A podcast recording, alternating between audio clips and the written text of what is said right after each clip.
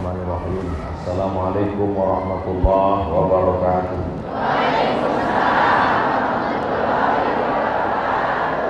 Apa kabar ibu-ibu semua sehat?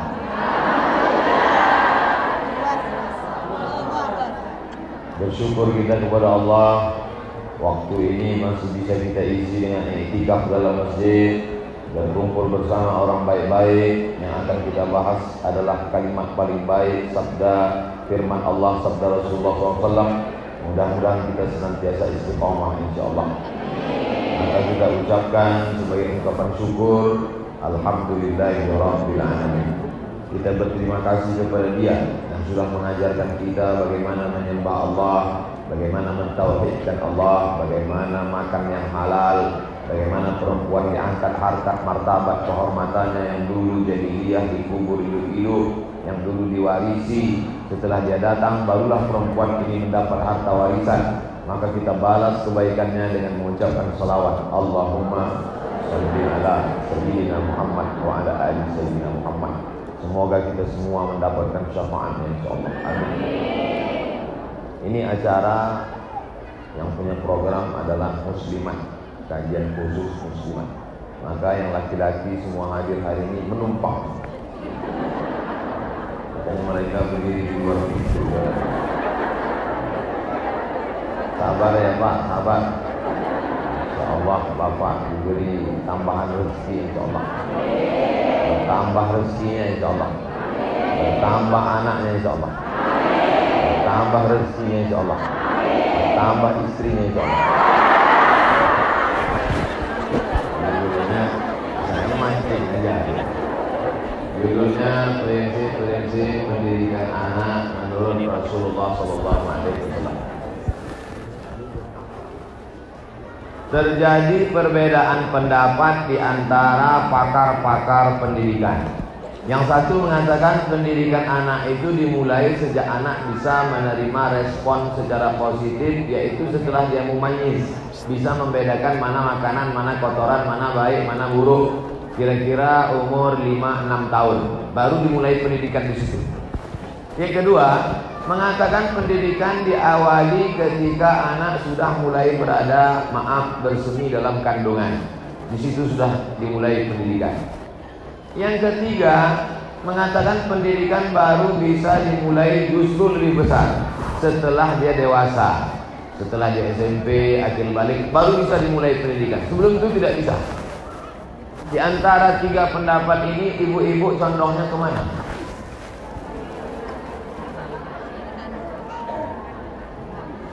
Emang kalau lapar payah berpikir memang. Baru jam 11 pulang. Ibu-ibu yang mengatakan pendidikan baru bisa dimulai setelah remaja akil balik, angkat tangan. Ya Allah. Ibu-ibu satu orang cuma. Ibu-ibu yang mengatakan pendidikan baru bisa dimulai setelah anak menerima respon memayis baik buruk. Angkat tangan. Ibu-ibu yang mengatakan memulai pendidikan sejak anak di dalam kandungan. Oh, Sekarang judul kita tidak menurut pakar tapi mengikut Rasulullah. Apa kata Nabi SAW kepada para laki-laki?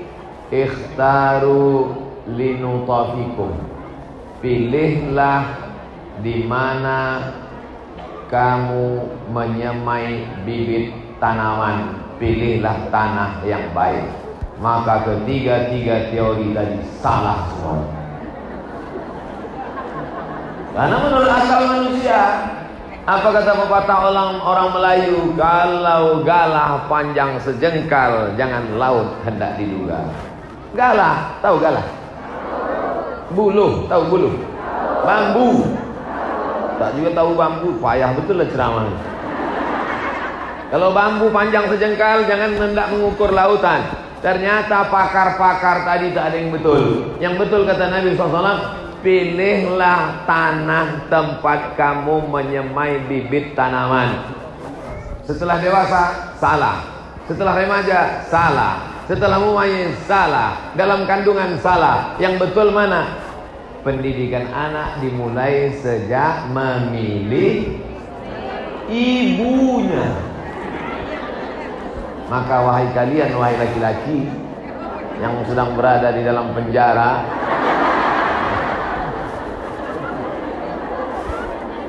Insya Allah semua bapak-bapaknya baik-baik semua insya. Maka pendidikan diawali ketika memilih ibunya. Maka laki-laki ketika menikah Dia tidak hanya memperturutkan hawa nafsu Tapi yang bisa menjadi ibu bagi anak-anaknya Anak-anak muda ini berubahlah kalian berpikir Dulu marry me Maukah menikah dengan aku? Bukan itu yang kau ucapkan Maukah engkau menjadi ibu bagi anak-anakku? Mesti mengerti, mesti paham. Kalau tidak, dia akan menturunkan hawa nafsu saja. Mau mencari yang tinggi, yang putih, yang mancung. Tapi tak ada otaknya. Nah, kasar sekali. Oke, kita lembutkan sedikit. Tak ada otaknya. Untuk apa? Oleh sebab itu maka coba tengok dalam Al-Quran. Wal baladut tayyibu yakhruju nabatuhu bi'izni rabbih. Tanah yang subur akan mengeluarkan tanam-tanaman yang baik. Walladzi khabutha la yakhruju illa nakida. Tanah yang tandus hanya akan mengeluarkan tanaman yang tak baik. Setelah cerita tanah dan tanaman, langsung cerita kepada Nabi Nuh. Walaqad arsalna Nuhan ila qaumihi. Kami utus Nabi Nuh kepada kaumnya. Apa hubungan tanah dengan Nabi Nuh? Bibit bagus ditanam di tanah yang tak bagus maka tumbuh pokok kaktus durinya tajam, bunganya tak harum, dicium silap-silap hidung bengkak. Tapi kalau ditanam di tanah yang subur, tumbuhlah bunga mawar yang harum semerbak. Ditengok mata kita tenang, harumnya wangi bukan main. Betul? Tapi bukan bunga ini. Karena ini bunga plastik. Pelajaran yang pertama, Ibu juga begitu bu. Ibu akan memilih calon menantu Maka ibu pilihlah calon menantu yang akan bisa menjadi ibu bagi cu Cucu-cucu ibu. Maka nanti kalau datang anak lajang ibu membawa perempuan Ibu tanya aja. Kau sanggup tak nanti mendidik cucuku Menjadi cucu yang soleh dan soleha? Sanggup apa tidak? Satu, tiga balik tapi kalau kata dia, insya Allah mama, aku akan mendidik cucu-cucu mama solehah seperti mama. Apa kata ibu? Wow, gua banget. Mudah-mudahan ibu semua dapat menantu solehah solehah. Ini yang pertama. Nabi Ibrahim alaihissalam punya bapak namanya Azar. Siapa nama bapaknya? Azar. Azar itu kerjanya membuat patung. Semua patung-patung di zaman itu tertulis di tengkuknya. Made in Azar Dia yang tukang buat tak patung. Kira-kira kalau tukang buat patung Baik apa jahat? Jahat. Penyembah berhala. Tukang buat patung. Maka apa kata Nabi Ibrahim kepada bapaknya? Wa qala Ibrahim li Azara Ingatlah ketika Ibrahim berkata kepada bapaknya Atattakhidhu asnaman alihah Mengapa engkau menjadikan berhala-berhala itu sebagai Tuhan ayah? Marahnya Azar Azar ini orangnya pemarah bukan main. Apa kata dia? La illam tantahi. Kalau kau tak berhenti menceramahi aku Kalau kau tak berhenti mendakwahi aku La arjuman naka Ku lempar kau pakai batu sampai mati. Wahjurni malia. Pergi kau ke sana jauh-jauh. Ada tak suami ibu macam itu? Dalam hati mirip kau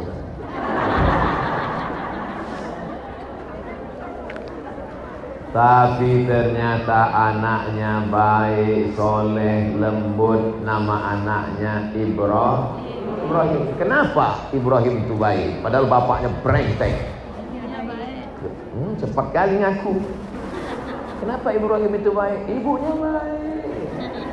Ibrahim punya ibu yang solehah luar biasa. Namanya Umaylah Saya kalau punya anak perempuan saya kasih nama Umaylah Panggilan siapa? Nela. Insya Allah perempuan yang baik. Tak ada cerita tentang ayah Nabi Musa. Bolak balik dari Al-Fatihah, Al-Baqarah, Ali Imran, An-Nisa, Al-Maidah sampai An-Nas. Tak ada satupun ayat bercerita tentang ayah Nabi Isa. Wa ilqa wa il auhayna ila ummi Musa. Ingatlah ketika kami kirimkan ilham kepada ibu Musa. An ardi'i susukan anakmu. Fa in khifti alaihi kalau kau takut la takhafi jangan kau cemas. Wala tahzani jangan kau sedih. Inna radduhu ilaiki. Kau hanyutkan anakmu ini ke sungai sungai Nil. Tapi nanti kami akan mengembalikan dia kepadamu wa ja'iluhu minal mursalin. Dan kami akan menjadikannya salah seorang roh rasul luar biasa. Dari Umailah lahir seorang anak Ibrahim. Dari Yohanes Yohanes nama emak Nabi. Musa lahirlah anak yang soleh bernama Musa. Isa malah tak ada ayahnya sama sekali. Isa tak ada ayahnya sama sekali. Ada seorang perempuan yang solehah lama tak punya anak. Namanya Hanna. Siapa namanya? Hanna maka berdoa dia kepada Allah. Rabbi inni nazartu laka ma fi batni muharrara. Aku bernazar ya Allah saking inginnya punya anak. Nanti kalau aku punya anak Maka anak yang ada di dalam perutku ini Akan aku jadikan dia sebagai muharrara. Makna muharrara artinya Khalisan likhidmati baitil maqdis. Dia tidak akan kerja lain kalau aku punya anak dia tidak akan kusuruh tanam korma. Kalau aku punya anak tidak akan aku suruh menjadi pegawai kerajaan. Kalau aku punya anak akan kusuruh dia menjadi pelayan Baitul Maqdis saking inginnya punya anak ya Allah. Falamma wada'atha qalat dan ketika dia melahirkan anak apa kata dia inni wada'tuha unsa ternyata aku melahirkan seorang anak perempuan wa inni sammaituha maryam cerita tentang anak perempuan yang datang laki-laki. Maka aku beri nama anakku itu Maryam Anak yang solehah melahirkan anak seorang perempuan yang solehah bernama Maryam. Maryam yang solehah melahirkan anak yang soleh laki-laki bernama Isa ibu Maryam. Baik Ibu Isa baik, Ibu Musa baik, Ibu Ibrahim baik. Bagaimana dengan Ibu Muhammad sallallahu alaihi? Ibu Muhammad bernama Aminah diambil dari kata amanah perempuan yang teguh memegang amanah maka dia bernama Aminah maka lahirlah seorang anak terpuji dari rahim yang amanah itu lahirlah seorang anak yang terpuji bernama Muhammad sallallahu sallallahu alaihi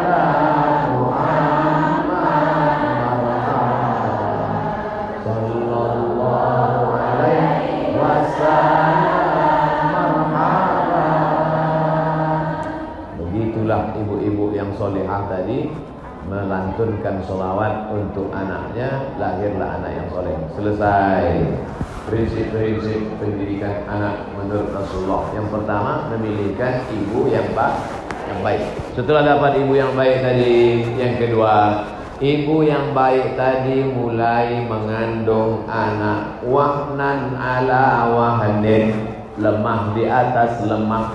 Wa habluhu wa masa mengandung menyusukan fi ini. Dua tahun menyusukan anak dikandunglah anak. Yang kedua masa mengandung si ibu mesti banyak-banyak berzikir. Ibu mesti banyak zikir bu. Banyak ibu-ibu sekarang waktu mengandung dia bukan banyak berzikir banyak berpikir. Berpikir nanti kalau anak ini laki-laki pakai apa kalau perempuan ini gelang emasnya berapa kilo Nanti kalau anak ini gimana kerjanya gimana Pikir itu penting Pikir itu Pelita hati Lama-lama berpikir Sakit hati Maka ibu-ibu yang hamil banyak berzikir Mudah-mudahan ibu-ibu yang belum hamil Mudah-mudahan cepat hamil Ustaz doakan saya Pak Ustaz udah belum udah umur 40 belum juga hamil. Kenapa Bu? Belum nikah. Mana bisa hamil tak nikah? Kecuali mukjizat Nabi. Oleh sebab itu maka ibu-ibu hamil banyak-banyaklah kalian berzikir, Bu. Abdul zikri seabdul abdul zikir la ilaha illallah. Kenapa ibu yang hamil disuruh zikir? Karena orang hamil itu bawaannya ketakutan, emosionalnya terganggu, bawaannya tidak normal, tidak seperti biasa. Biasanya dia nengok lakinya biasa aja. Bang nengok, bang aku nengok kamu muntah. Kadang penciumannya terganggu, kadang dia. Betul tak yang saya cakap tadi?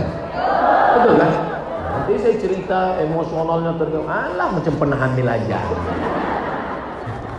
Saya membaca-baca buku, cerita-cerita orang, cerita almarhumah mak dulu. Kenapa begitu? Karena perempuan sedang dalam keadaan hamil jantungnya. Tidak ada yang bisa menenangkan hati jantung seorang ibu hamil kecuali zikir. Banyak juga sekarang ibu-ibu hamil tenang Tenang. Tak ada. Kok kok tenang? Sholat tak pernah, zikir tak pernah, baca Quran. Tenang aja. Tenang, tenang. Rumahnya pakai sabu-sabu. Banyak kan perempuan hamil ditangkap polisi. Pas dicek positif. Positif pakai sabu-sabu. Tapi ibu tenang. Kenapa berzikir? Ah, waktu sedang hamil itu zikir. Subhanallah.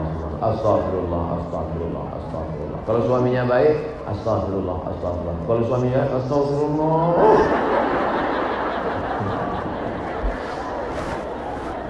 Astagfirullah.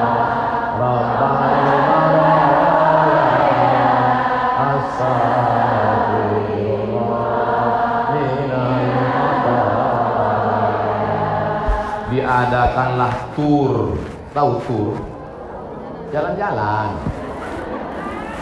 diadakanlah tur jalan-jalan eh? apa diadakanlah tur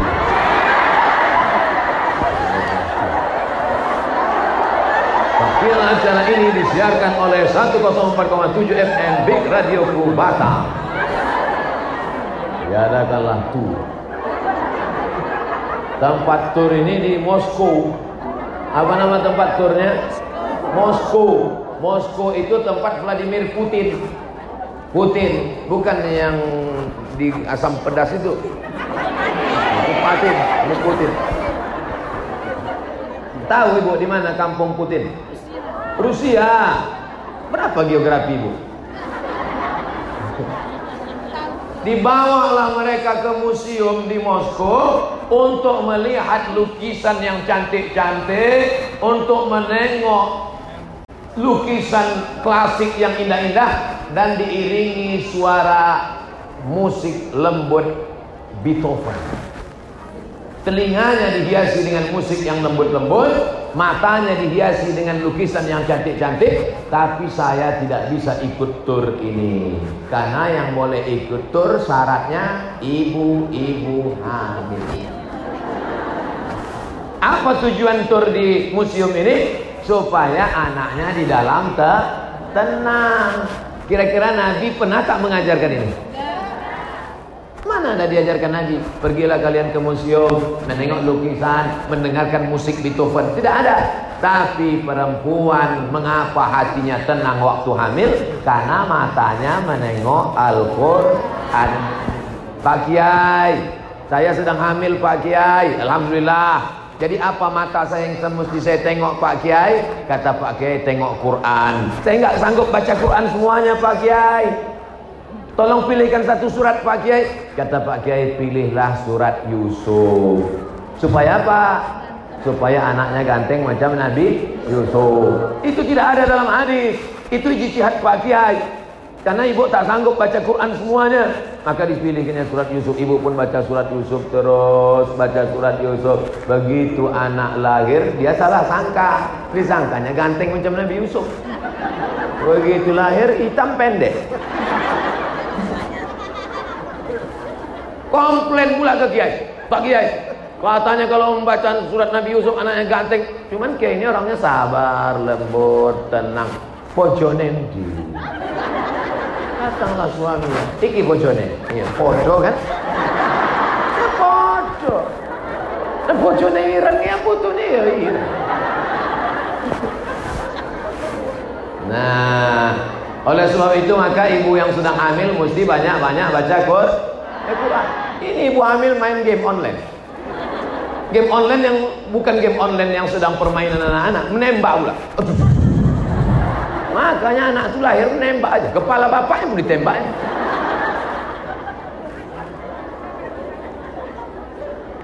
Mata ibu tengok Quran, mulut ibu baca Quran, capek baca Quran tutup berzikir, mata pedas panas tutup berzikir. Subhanallah walhamdulillah wa wallahu akbar wa la haula wa la quwwata illa billahil aliyyil azim. Jadi dulu emak saya waktu mengandung saya datang dia ke rumah kiai namanya Syekh Muhammad Ali. Assalamualaikum Syekh Muhammad Ali. Waalaikumsalam. Saya sedang hamil nih. Kata bidan, saya sakit-sakitan, anaknya pun juga sakit. Kasihlah saya zikir apa yang bagus untuk saya baca waktu anak saya sedang dalam kandungan ini. Lalu kata saya Muhammad Ali, bacalah ini. Apa? Baca ini. A'udzubillahi minasyaitonir rajim. Iz qalat imra'atu Imran, "Rabbi inni nazartu laka ma fi batni muharraran fataqabbal minni innaka antas samiul alim." Falamma wada'atha qalat, "Rabbi inni wada'tuha unsa." Inni samaituha Maryam wa inni u'idzuha bika wa dzurriyyataha minasyaitonir rajim. Fataqabbalaha rabbuha biqabulin hasanin wa ambataha nabatan hasana. Fakaffalaha Zakaria. Kullama dakhala 'alaiha Zakaria al-mihrab wajada 'indaha rizqa. Ya Maryam anna laki hadha qalat huwa min indillah inna Allah yarzuqu man yasha'u bighairi hisab dibaca pagi dibaca petang mak saya tak tahu artinya apa Dibacanya aja terus. Setelah saya lahir, setelah saya sekolah, baru dia tanya saya. Dulu, waktu aku menghamilkan engkau, kata Syekh Muhammad Ali, aku suruh baca ini. Apa artinya itu? Apa artinya yang kubaca dulu itu? Saya terjemahkan. Il qalat imra'atu Imran, ingatlah ketika istri Imran sedang hamil. Apa kata dia? Rabbi inni nazartu laka ma fi batni. Aku bernazar anak yang ada di dalam perutku ini nanti kalau lahir, aku akan jadikan dia menjadi pelayan Baitul Maqdis. Rupanya Maryam dulu dinazar emaknya supaya jadi pelayan Baitul Maqdis. Emak saya pula dulu bernazar dibacanya ayat itu, ya Allah aku bernazar anak dalam perutku ini bernazar nanti kalau lahir jadi pelayan masjid. Itulah maka saya ke masjid-masjid terus ceramah. Sesuai dengan do doa. Jangan takut tentang rezekinya. Karena dalam ayat itu diceritakan ketika Maryam sudah sampai remaja, dimasukkan dia ke dalam surat tempat namanya mihrab, tapi banyak makanan-makanan. Pada musim dingin ada makanan musim panas, pada musim panas ada makanan musim dingin. Lalu kemudian Zakaria yang menjaga Maryam itu bertanya, "Ya Maryam, anna laki hadza?" Dari mana kau dapat makanan ini wahai Maryam? Maryam menjawab, "Inna Allah yarzuqu man yasha'u bighairi hisab." Kalau Allah mau mengasih rezeki maka dikasih jalan yang tidak disangka-sangka. Maryam dulu yang didoakan ibunya dalam perut dapat rezeki yang tak disangka-sangka. Saya pun sekarang setiap pergi ke mana-mana, makanan musim dingin ada, makanan musim panas pun ada. Kecuali di masjid ini tak ada makanan. Udah tadi di dalam macam-macam. Kenapa di sini tidak dibuat? Takut ibu-ibu ngeces. Tak tahu ngeces ngiler. Oleh sebab itu, udah jangan kita makan.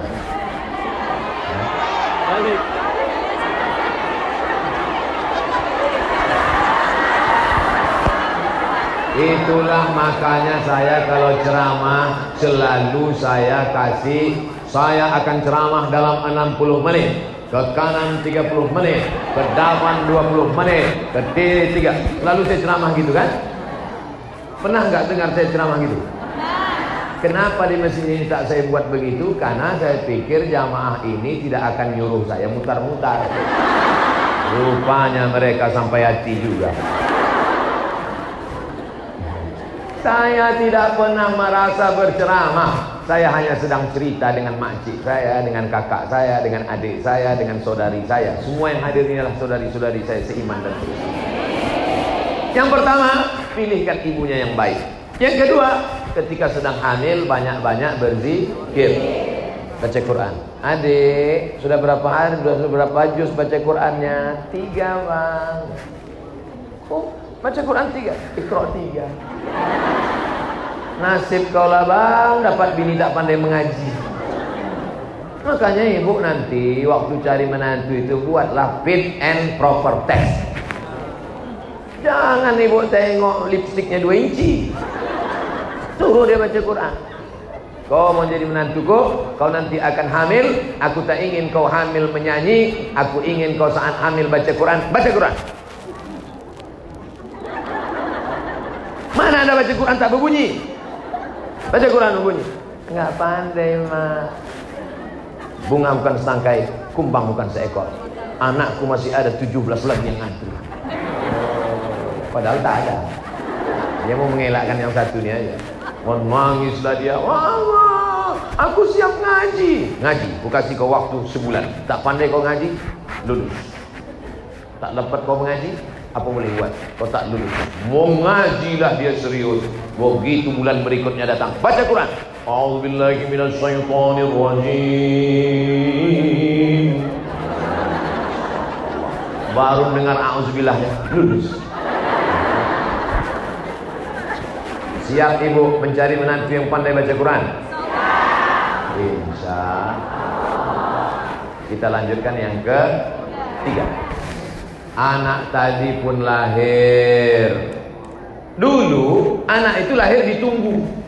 Sekarang anak lahir itu tidak lagi ditunggu karena sudah ada SPOG, spesialis objin, diperiksa pakai apa namanya airport. Wah, ini sudah 40 minggu, Bu. Ini insya Allah lahir tidak lama lagi.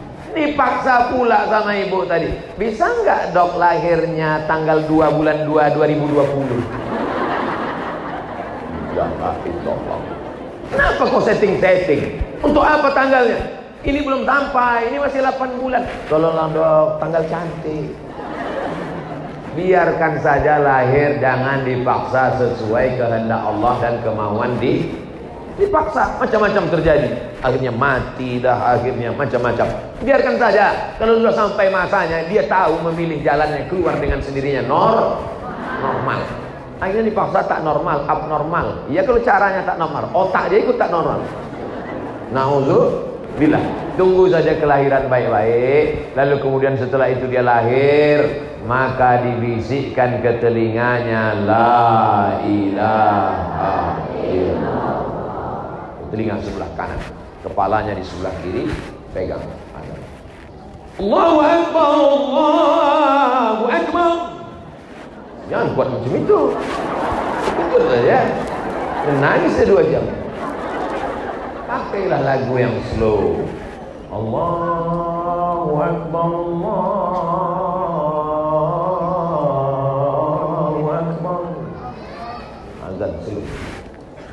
Suami ibu yang tak pandai azan, hmm, tak apa dulu dibisikkannya ke telinga anak. Tapi azan ni hukumnya sun tak wajib. Andai dulu tak sempat diazankan, jangan balik dari sini ibu suruh pulang balik. Bang, kata Ustaz Abdul Somad mendidik anak itu harus azan. Abang dulu abang azan kan? Aku nggak bisa deh. Aku waktu, waktu itu abang kan masih mabuk. Azan kan sekarang, dipanggil lah anak sini. Allahu Akbar. Apanya ya ini kan? Udah semester tiga. Yang lalu biarlah ber anak-anak kita akan datang. Makanya anak-anak kita tuh dilatih azan. Disuruh dia azan. Pernah emak ustaz nyuruh ustaz azan. Yang ngajari saya azan tuh ayah sama emak. Tapi yang paling sering emak. Sini, azan. Allahu Akbar, Allahu Akbar. Di kampung kami sebelum azan itu baca ayat dulu. Inna Allah malaikatahu yusalluna ala nabi. Berlari-larilah almarhumah emak ini pergi ke tempat guru mengaji namanya Pak Cik Abdul Rahim mencari mau menanyakan Pak Cik Apa yang dibaca sebelum azan Innallaha wa malaikatahu itu surat apa juz berapa? Masih ingat? Pulang dia ke rumah, dibukanya Quran. Ah, kau baca dulu ini baru azan. Ikutlah saya musabaqah azan juara satu tingkat kabupaten. Wahai pialanya saya ada. Bukan main senangnya hati mak saya almarhumah waktu itu menengok anak pandai azan. Anak-anak sekarang kalau ada musabaqah, ma ada lomba azan. Gak usah kau ikut azan, gak usah ikut azan. Tapi kalau ada lomba menyanyi, hmm, Mama dengarkanlah. Eh di masjid kau Saya untung di masjid. Kalau di tanah lapang satu lagu saya nyanyikan. Oleh sebab itu maka Ustaz masa nggak boleh nyanyi Pak Ustaz? Nyanyi boleh. Nyanyi yang mengingatkan pada ma mati. Nyanyi yang mengingatkan pada Allah. Ku menatap dalam kamar Tiada yang bisa ku lihat Selain dari nama Ya Allah. Ingat pada Allah atau tidak? Mana pula ingat? Ingat pada Afgan. Menyanyi boleh mengingatkan pada Allah. Almarhumah mak saya ini dulu selalu lagu nasib dia selalu lagu nasib. Maka saya banyak saya ingat lagu-lagu nasib itu. Kenapa? Karena telinga, telinga masih kecil diazankan. Asyhadu Allah. Tidak ada orang di Batam ini membisikkan ke telinga anaknya. Nanti kau sekolahkan ke Jepang S3. Bapak-bapak yang di sana dulu pasti sudah mengazankan anaknya kan Pak? Ditanya Pak, Bapak mengazankan lah di dadanya itu. Itu artinya iya. iya. Dah, diambillah kurma. Datanglah Asma. Siapa namanya? Asma. Digendongnya lah anaknya namanya Abdullah. Anak yang pertama lahir setelah hijrah di Madinah namanya Abdullah. Digendong oleh ibunya, dibawakan kepada Nabi sallallahu alaihi wasallam. Dikunyah Nabi lah kurma. Dikunyah-kunyahkan Nabi kurma, lalu di ambil Nabi kurma dimasukkan ke mulutnya digosokkan ke langit-langit atas. Gosokkan ke mulut ke gusi ke langit-langit di atas. Namanya tak taknik bukan teknik. Taknik ya kunyahkan kurma. Tapi dulu di kampung sebelum sekarang banyak umroh-umroh ini sekarang aja mudah kurma. Dulu kurma payah. Ingat saya dulu keponakan sepupu, adik, segala macam. Bukan dikasih kurma, dikasih mah madu diambil cincin. Ingat saya waktu itu sepupu saya diambil cincin dioleskan madu disuapkan ke mulut cincin batu. Dulu. Sekarang tak bisa. Cincin orang batunya sebesar batu gilingan jadi kalau ada kurma kurma. Kalau tak ada madu madu mak mak mak mak mak. Ya. Kenapa anak bayi ini dikasih kurma? Dari dulu udah gitu so, aku tanya lagi Rupanya tempat yang paling nyaman di dunia ini adalah rah rahim. Tempat yang paling nyaman di dunia ini rahim. Di Afrika Utara cuacanya panas 50 derajat Celcius, tapi tidak ada bayi yang melompat karena kepanasan. Di kutub selatan yang cuacanya dingin 10 derajat di bawah nol, tidak ada bayi yang keluar beku jadi es batu. Kenapa? Karena rahim tempat Adam ayam tenang. Betul. Tapi setelah anak tadi keluar dari rahim, banyaklah anak itu yang menggigil sampai biru bibir. Akhirnya dimasukkanlah ke dalam kotak yang di rumah sakit. Apa namanya? Open, open. Hah? Inkubator. Nah, dimasukkan ke dalam oleh oleh perawat itu bidan itu dimasukkannya ke dalam, ditengoknya berapa derajat Celcius. Setelah diletakkannya dia pun asik main HP. Setelah main HP ditengoknya budak tuh masak. Masak. Masak bukannya ditolong, di fotonya pula. Ada bayi udah masak. Gara-gara HP ini kan. Kecuali ibu-ibu di majelis ini HP-nya semua dipakai untuk merekam zikir, tausiah, ceramah. Insya Allah ibu-ibu semua masuk surga sama HP-HP-nya sekalian. Nah, apa maknanya? Kenapa anak bayi itu dikasih kurma? Karena rupanya anak bayi yang baru lahir itu kedingin, kedinginan. Tak mungkin dikasih bandrek sama mie Aceh. Ketawa ibu tuh membayangkan anak kecil minum bandrek. Maka dikasih cairan kurma untuk menghangatkan badannya. Tapi kenapa diminta air liur Nabi untuk mengambil barok barokah? Ustaz Somad, boleh kami minta tahnik anak kami Pak Ustaz? Boleh. Boleh. Ini kurmanya Pak Ustaz ya. Dikunyah Ustaz Somad lah kurma tadi. Nah, mau mentahnik anak dari, dari mana anaknya? Sudah tiga tahun. Baik, baik Allah. Cuman saya tak mau mengecewakan hati jamaah. Kan tak mungkin saya bilang, apa ini? Tak mungkin. Saya kunyahkan, saya suapkan ke anak. Hmm, kuat pula anak tu makan lagi. Tak apa-apa lah, ngalap barokah. Sebetulnya yang dikasih kurma itu anak baru lah. Udah, udah tiga tahun, kasih lompat-lompat deh. Manis mak manis gitu. Masih syukur ada yang ingat daripada tak ingat, betul?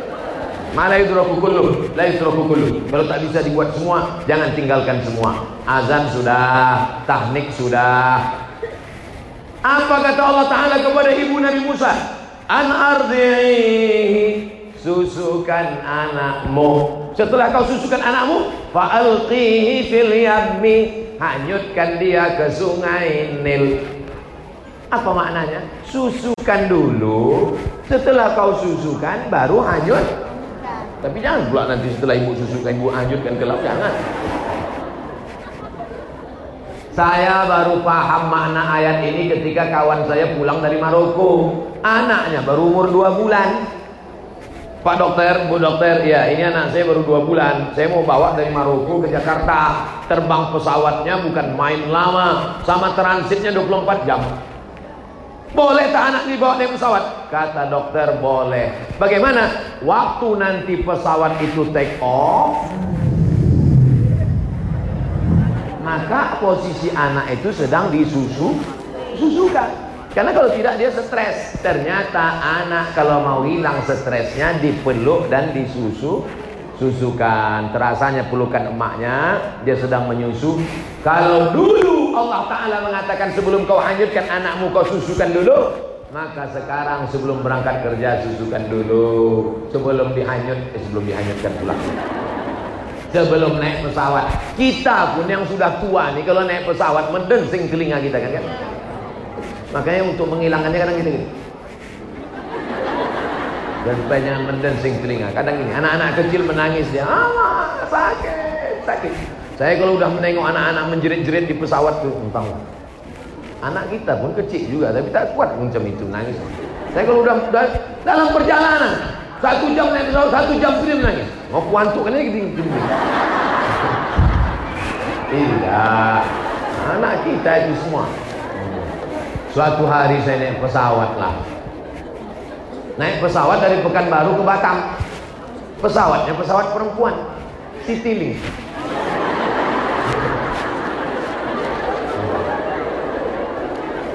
Pas naik pesawat tadi, saya tengok ibu tu memeluk anaknya. Saya duduk di tepi sini, ibu tu duduk di sini. Ibu tu duduk sini, bagian depan. Saya di belakang. Saya tengok, tidak pula saya intip dia menyusukan anaknya. Enggak. Saya tengok dia baca ayat kursi.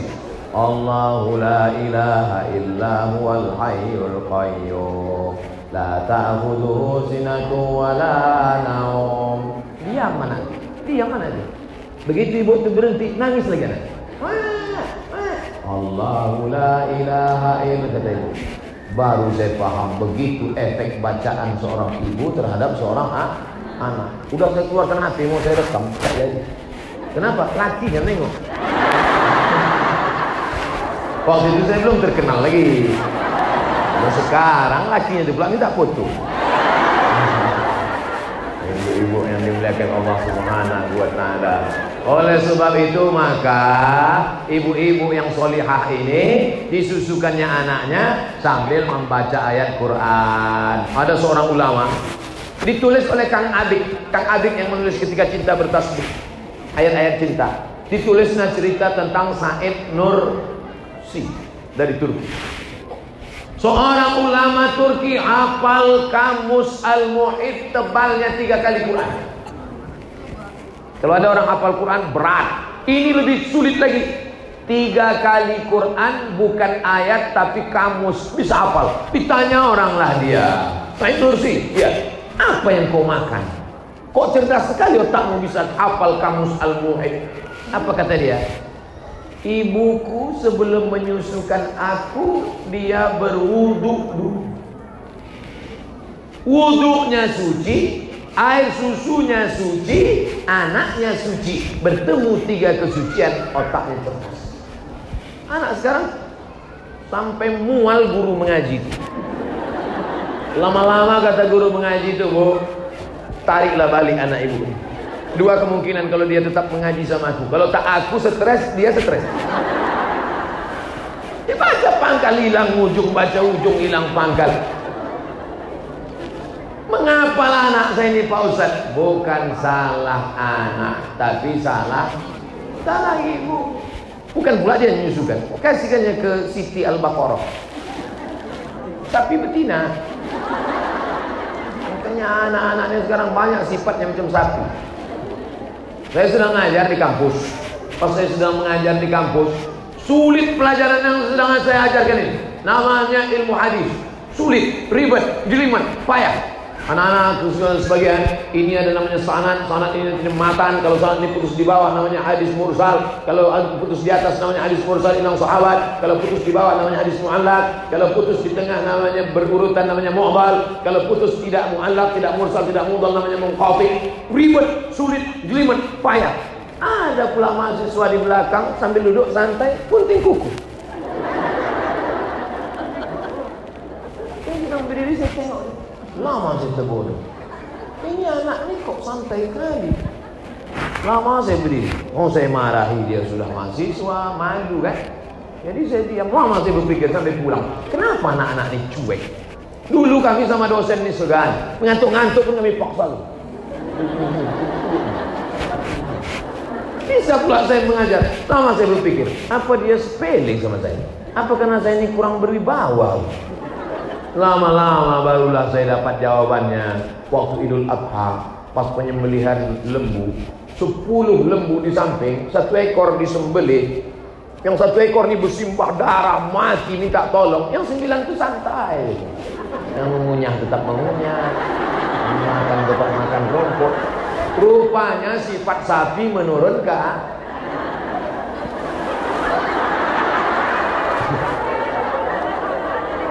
sifat sapi turun ke anak. Sifat sapi turun ke anak bu. Yang lalu sudah berlalu anak ibu yang dulu sudah sempat disusukan ke sapi apa boleh buat? Dari kambing bulat-bulat. Cucu-cucu ibu anak ibu yang akan datang insya Allah diselamatkan. Cucu ibu jangan lagi ada disusun ke sapi. Janji. Janji. Jangan ada dusta di antara kita. Ini masjid ini. Dulu dulu dulu.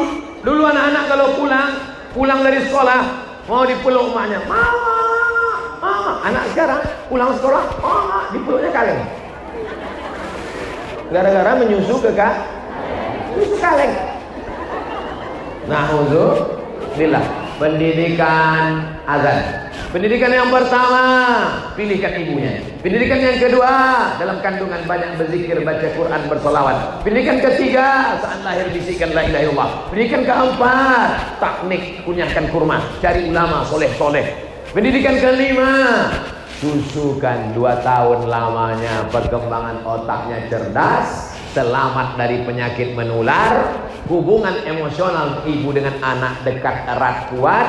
Yang paling penting anak ini insya Allah terjaga dari se setan. Karena ibu tuh sambil menyusukan banyak berzikir baca doa baca ayat kursi.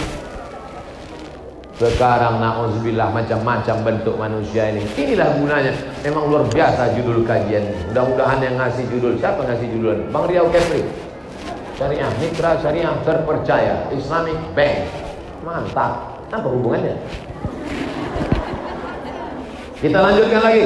Tadi saya mulai ceramah jam 11 kurang 15. Sekarang jam 12 kurang 30. 15 menit lagi. Di mana-mana saya ceramah 600 ml sesuai yang tertulis di botol. Selanjutnya apa yang perlu dilakukan kepada anak-anak ini adalah ada masa bermain. Tujuh, tujuh, tujuh. Tujuh tahun pertama bermain. Tujuh tahun kedua mulai kasih nasihat. Tujuh tahun ketiga berteman. Tujuh, tujuh, tujuh. Tujuh masa bermain ini peluk, cium, lompat-lompat, lari-lari, main-main. Ibu yang paling pandai bermain dengan anak ini. Bapaknya mungkin galak, bapaknya mungkin garang, bapaknya mungkin ibu. Anak yang tahu mau makan. Ibu tengok anaknya apa sukanya. Rupanya anak ini suka main-main bintang-bintang. Bintang kecil di langit yang biru. Inilah lagu yang mengajarkan kebohongan. Langit biru siang mana ada bintang? Betul? Banyak lagu-lagu anak ini bohong semua. Balonku ada lima rupa-rupa warnanya Merah kuning kerabu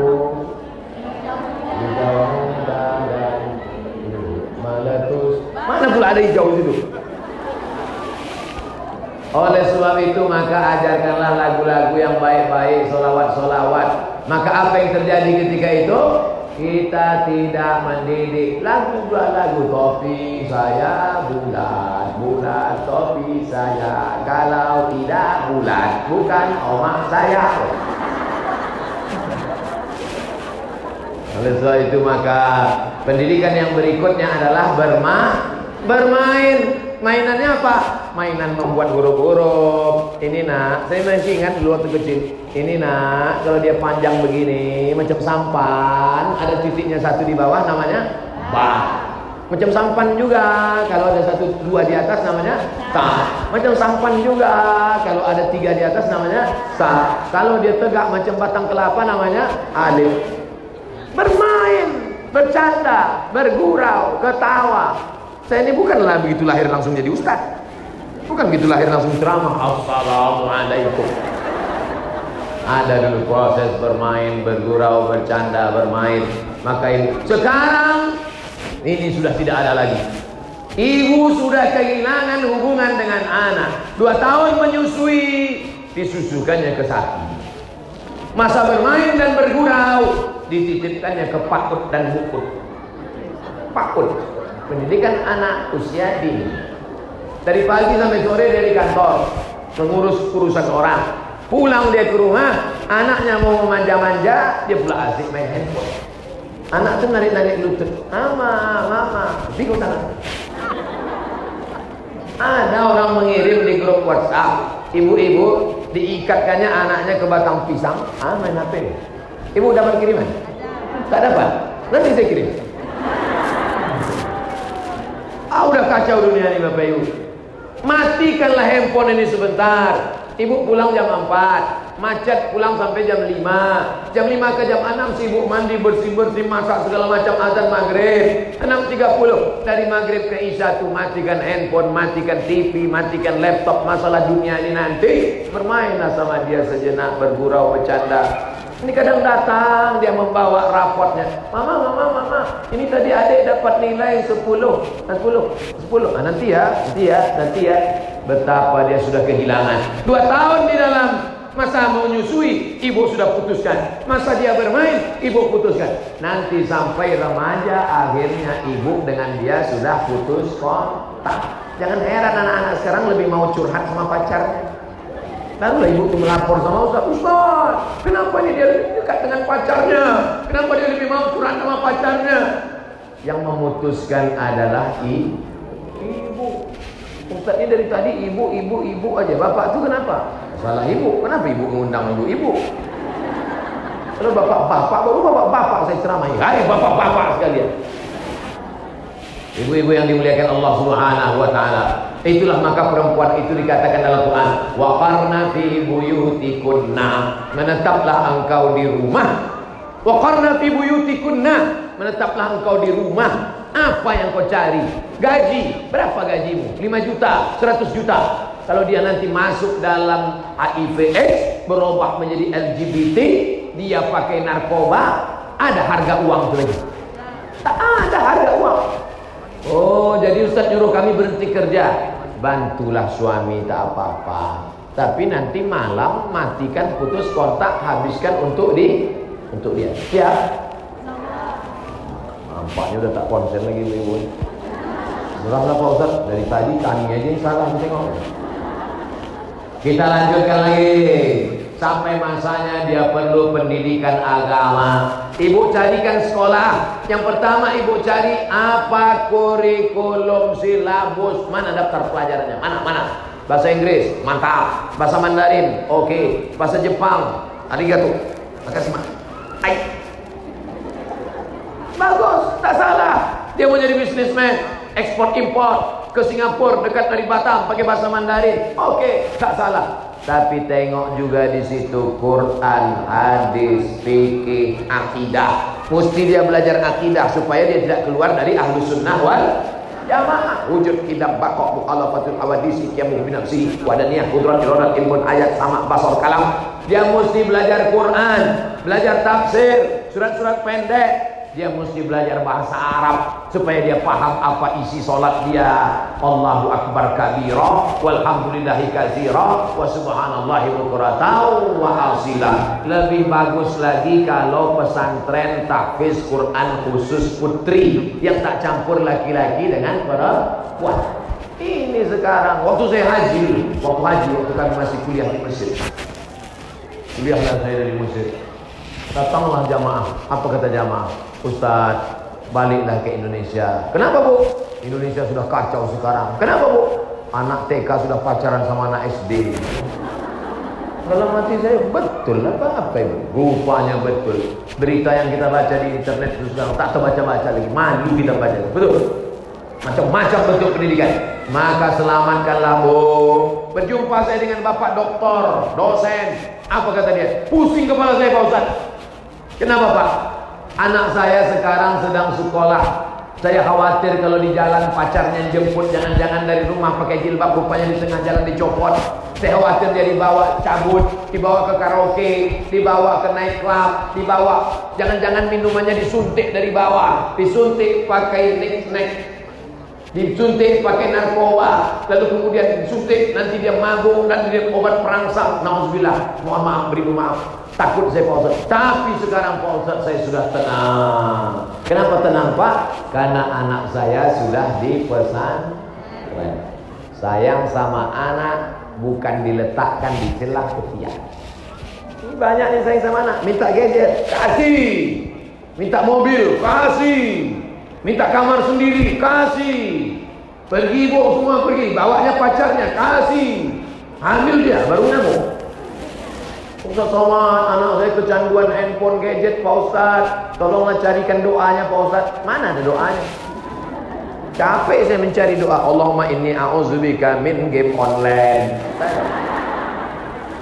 Kenapa dia main game online? Siapa yang ngasih HP? Saya Pak Ustaz. Siapa yang ngasih dia pulsa? Saya Pak Ustaz. Siapa yang biarkan dia main sendirian di kamar? Saya Pak Ustaz. Saya sekarang sekelas ke kecanduan salah saya Pak. Salah Ustaz. Huh? Aku pula salah. Salah ibu Mengakulah bu kalau kita salah. Nabi Adam alaihissalam mengaku salah. Apa kata Allah? Jangan kau dekati pohon kuldi ini. Nanti kau masuk neraka. Nabi Adam mengaku Rabbana Zolamna Ampusana Wa illam tawfir lana Wa tarhamna Lanakunanna minal khasirin. Masuk dia pesantren, dididik sama gurunya, jenguk dia sebulan sekali. Kata guru jangan sering-sering dijenguk biar supaya anak ibu mandiri. Jangan marah sama guru. Apa kalian guru? Sok mantap. Berapa gaji kalian? Ini bayar. Apa pula guru itu diajak berkelahi? Guru itu adalah kawan kita, bukanlah kan lawan.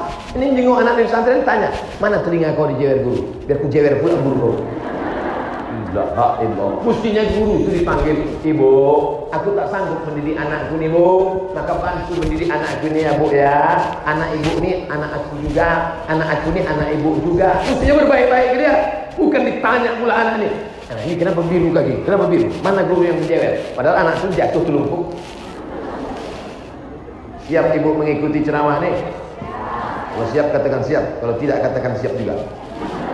Nah, akhirnya waktu liburan pulang dia ke rumah. Apakah kalau sudah pulang ke rumah, lalu ibu berkata, bukan tanggung jawabku, tanggung jawab pondok pesantren. Ibu tetap apa. Kenapa roknya pendek, kenapa tidak panjang, kenapa buka jilbab, kenapa berjalan ke mana, pulangnya berapa duit, berapa apa. Selama ibu masih mau merepet macam mesin popong rusak. Insya Allah anak itu masih selamat. Tapi kalau udah ibu bawanya dia, mama, mama, mama, aku jalan sama pacar ya, jalanlah. Nanti kami nanti baliknya jam 12 karena pertemuan dengan kawan-kawan jam 12 pagi pun tak apa. Mama, mama, aku positif hamil nih. Sudah takdir Allah. Alamat kapal akan terbang. Pokok kecil mesti dimasukkan ke dalam polybag. Pokok kecil mesti masuk dalam polybag. Kenapa? Karena banyak bakteri, banyak kuman, banyak ulat, banyak hama, banyak wereng. Tapi kalau dia sudah kuat, tanamlah dia di hutan rimba. Batangnya kokoh daunnya kuat maka insya Allah akan selamat. Apa maknanya?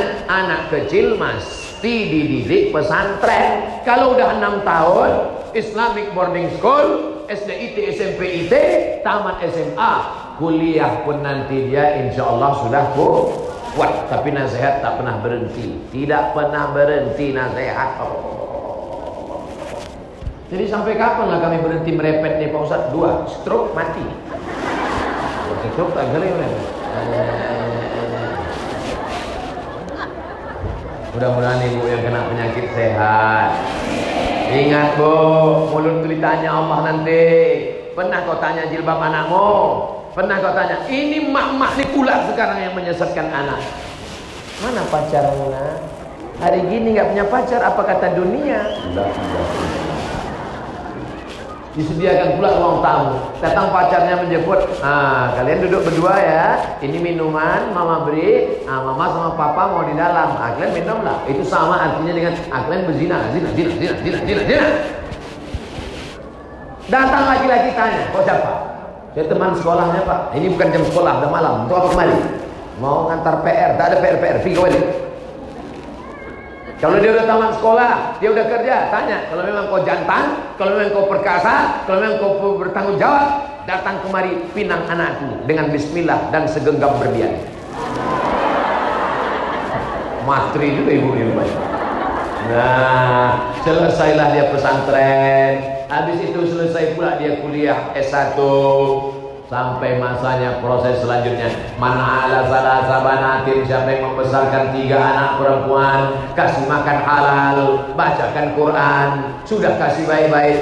Wa bahuna sekolahkan sampai baik sampai SMP sampai SMA sampai pesantren sampai boarding school sampai S1 masuk yang ketiga wa zawwajahunna nikahkan dengan orang baik-baik Suami itu jodoh itu rezeki atau tak rezeki? Rezeki. Rezeki kita dijamin Allah atau tak dijamin Allah? Dijamin. Apa dicemaskan? Banyak ibu-ibu zaman sekarang anaknya melapor ke saya, Ustaz, kata mama saya nggak usah pakai jilbab rapat-rapat nanti tak dapat jodoh. Adilah, adilah. Jadi rupanya sekarang ini bukan kenakalan remaja, tapi kenakalan mama. Mama gak ada setan. Goda setan dia. Di mana letak imanmu kepada Allah? Allah yang mengatur. Wa ma min dabbatin fil ardi illa 'ala Allah rizquha. Rezekinya sudah dijamin Allah Subhanahu wa taala. Ibu dulu. Lain ibu, lain ibu, lain ibu, lain cerita. Gimana dulu ibu berjumpa dengan bapak? Berapa banyak yang ibu ingin sama dia, rupanya jadi sama yang lain. Loh, ini suami ibu? Iya. Dulu perasaan sekolah bukan sama ini. Itulah salah sambung. Oleh sebab itu maka kalau datang idza aku mantar daunaninan kalau datang anak lajang meminang anak gadismu datang dia ke rumah apa yang kau pandang hulufahu akhlaknya dinahu agamanya baik agamanya baik akhlaknya nikahkan dia jangan kau minta banyak-banyak ini diminta lah pula emas sampai penuh cuci tangan Akhirnya pergilah laki-laki yang baik tadi tak ke mana mengadu nasib. Tapi Allah adil dikasih yang baik. Hah? Memang dapat ibu kaya, mobilnya mewah, duitnya banyak, tapi rupanya sakau. Sikit-sikit. Sikit-sikit. Sakau, tahankan. Matre. Dunia kau kejar, akhirat melayang. Akhirat kau utamakan, dunia akan bersimpuh di bawah tapak kaki. Betul? Berapa di antara ibu yang dulu menikah miskin, susah, melarat? Sekarang makin susah Pak Ustaz. Tidak. Dunia ini ada masanya naik, ada masanya turun, ada masanya lapang, ada masanya senang, ada masanya susah. Berakit-rakit ke hulu, berenang ke tepian. Jangan dibulak dibalik, berakit-rakit ke hulu, berakit-rakit juga ke tepian. Sakit-sakit dahulu, makin sakit pula kemudian. Insya Allah, inna ma'al musri yusra. Fa inna ma'al usri yusra. Segala kesulitan Allah akan. Iya kunu fuqara. Kalau mereka miskin, kalau mereka susah, yughnihimullah. Allah akan kayakan mereka. Jangan ibu tuntut mereka banyak-banyak macam-macam. Asal bisa kau bimbing anakku ini menjadi orang baik. Jangan kau pakai sabu, jangan kau narkoba, jangan kau jual, jangan kau hilangkan martabatnya. Kau jagalah anak. Maka insya Allah selamatlah dunia akhirat. Amin. Terakhir. Makan sudah, menyusu sudah, minum sudah, mengandung sudah, pendidikan sudah, menikahkan sudah. Selesaikah tanggung jawab? Meleleh air mata ibu menengok anak duduk di pelaminan. Ibu nangis kenapa bu? Sedih Pak Ustaz. Kenapa sedih? Haru Pak Ustaz. Kenapa haru? Habis tanggung jawab saya sekarang Pak Ustaz. Dia sudah nikah Pak Ustaz. Habis tanggung jawab saya Pak Ustaz. Kata siapa guys? Kata siapa tanggung jawabmu hilang setelah anak menikah? Belum. Setelah menikah, tiba-tiba datang dia ke rumah. Seminggu setelah menikah, pulang dia ke rumah. Rambutnya tiga warna, merah, kuning, gelap. Dulu antingnya cuma dua, sekarang bibirnya pun pakai anting. Apakah ibu diam? Tidak. Ibu tanya, mana jilbabmu nah? Kenapa kau berubah begini nah? Lakiku mah, itulah yang mak pilihkan yang mau kaya-kaya itu kan. Rupanya gila dia mak. Maka bapak suami ibu mesti memanggil. Wali ada enam. Ayah, kakek, abang, adik, abang ayah, adik ayah. Enam orang memanggil menantu error tadi. Sini kau. Ini anak kami ini dulu tudungnya tudung labuh Bajunya baju kurung. Kenapa sekarang dia begini? Kukunya hitam semua sudah pakai kutek. Di atas black kutek, di bawah black daki. Mukanya pun sudah berubah macam macam Harry Potter. Macam nenek sihir. Kenapa bisa begini? Mesti ada watawasaw bil haq watawasaw bis jadi Pak Ustaz sampai kapan kami mendidik anak ini? Dua gendangnya. Kalau dia dulu mati dia membisikkan ke telinga ibu la ilaha illallah. Kalau ibu dulu mati maka dia nah, terbalik kalau ia dulu mati, ibu tetap mendidik dia. Minal mahdi ilal lahdi. Tapi kalau ibu duluan mati, dua saya gendang Mendidik anak ini dua saja. Dia mati atau kita mati. Mudah-mudahan sama-sama kita husnul khatimah. Itulah ceramah Abdul Somad prinsip-prinsip pendidikan anak menurut Rasulullah SAW. Dari mulai memilihkan ibu sampai ke yang lahat. Mudah-mudahan menjadi amal soleh pas jam 12 kurang 5 Saya diminta membacakan doa penutup.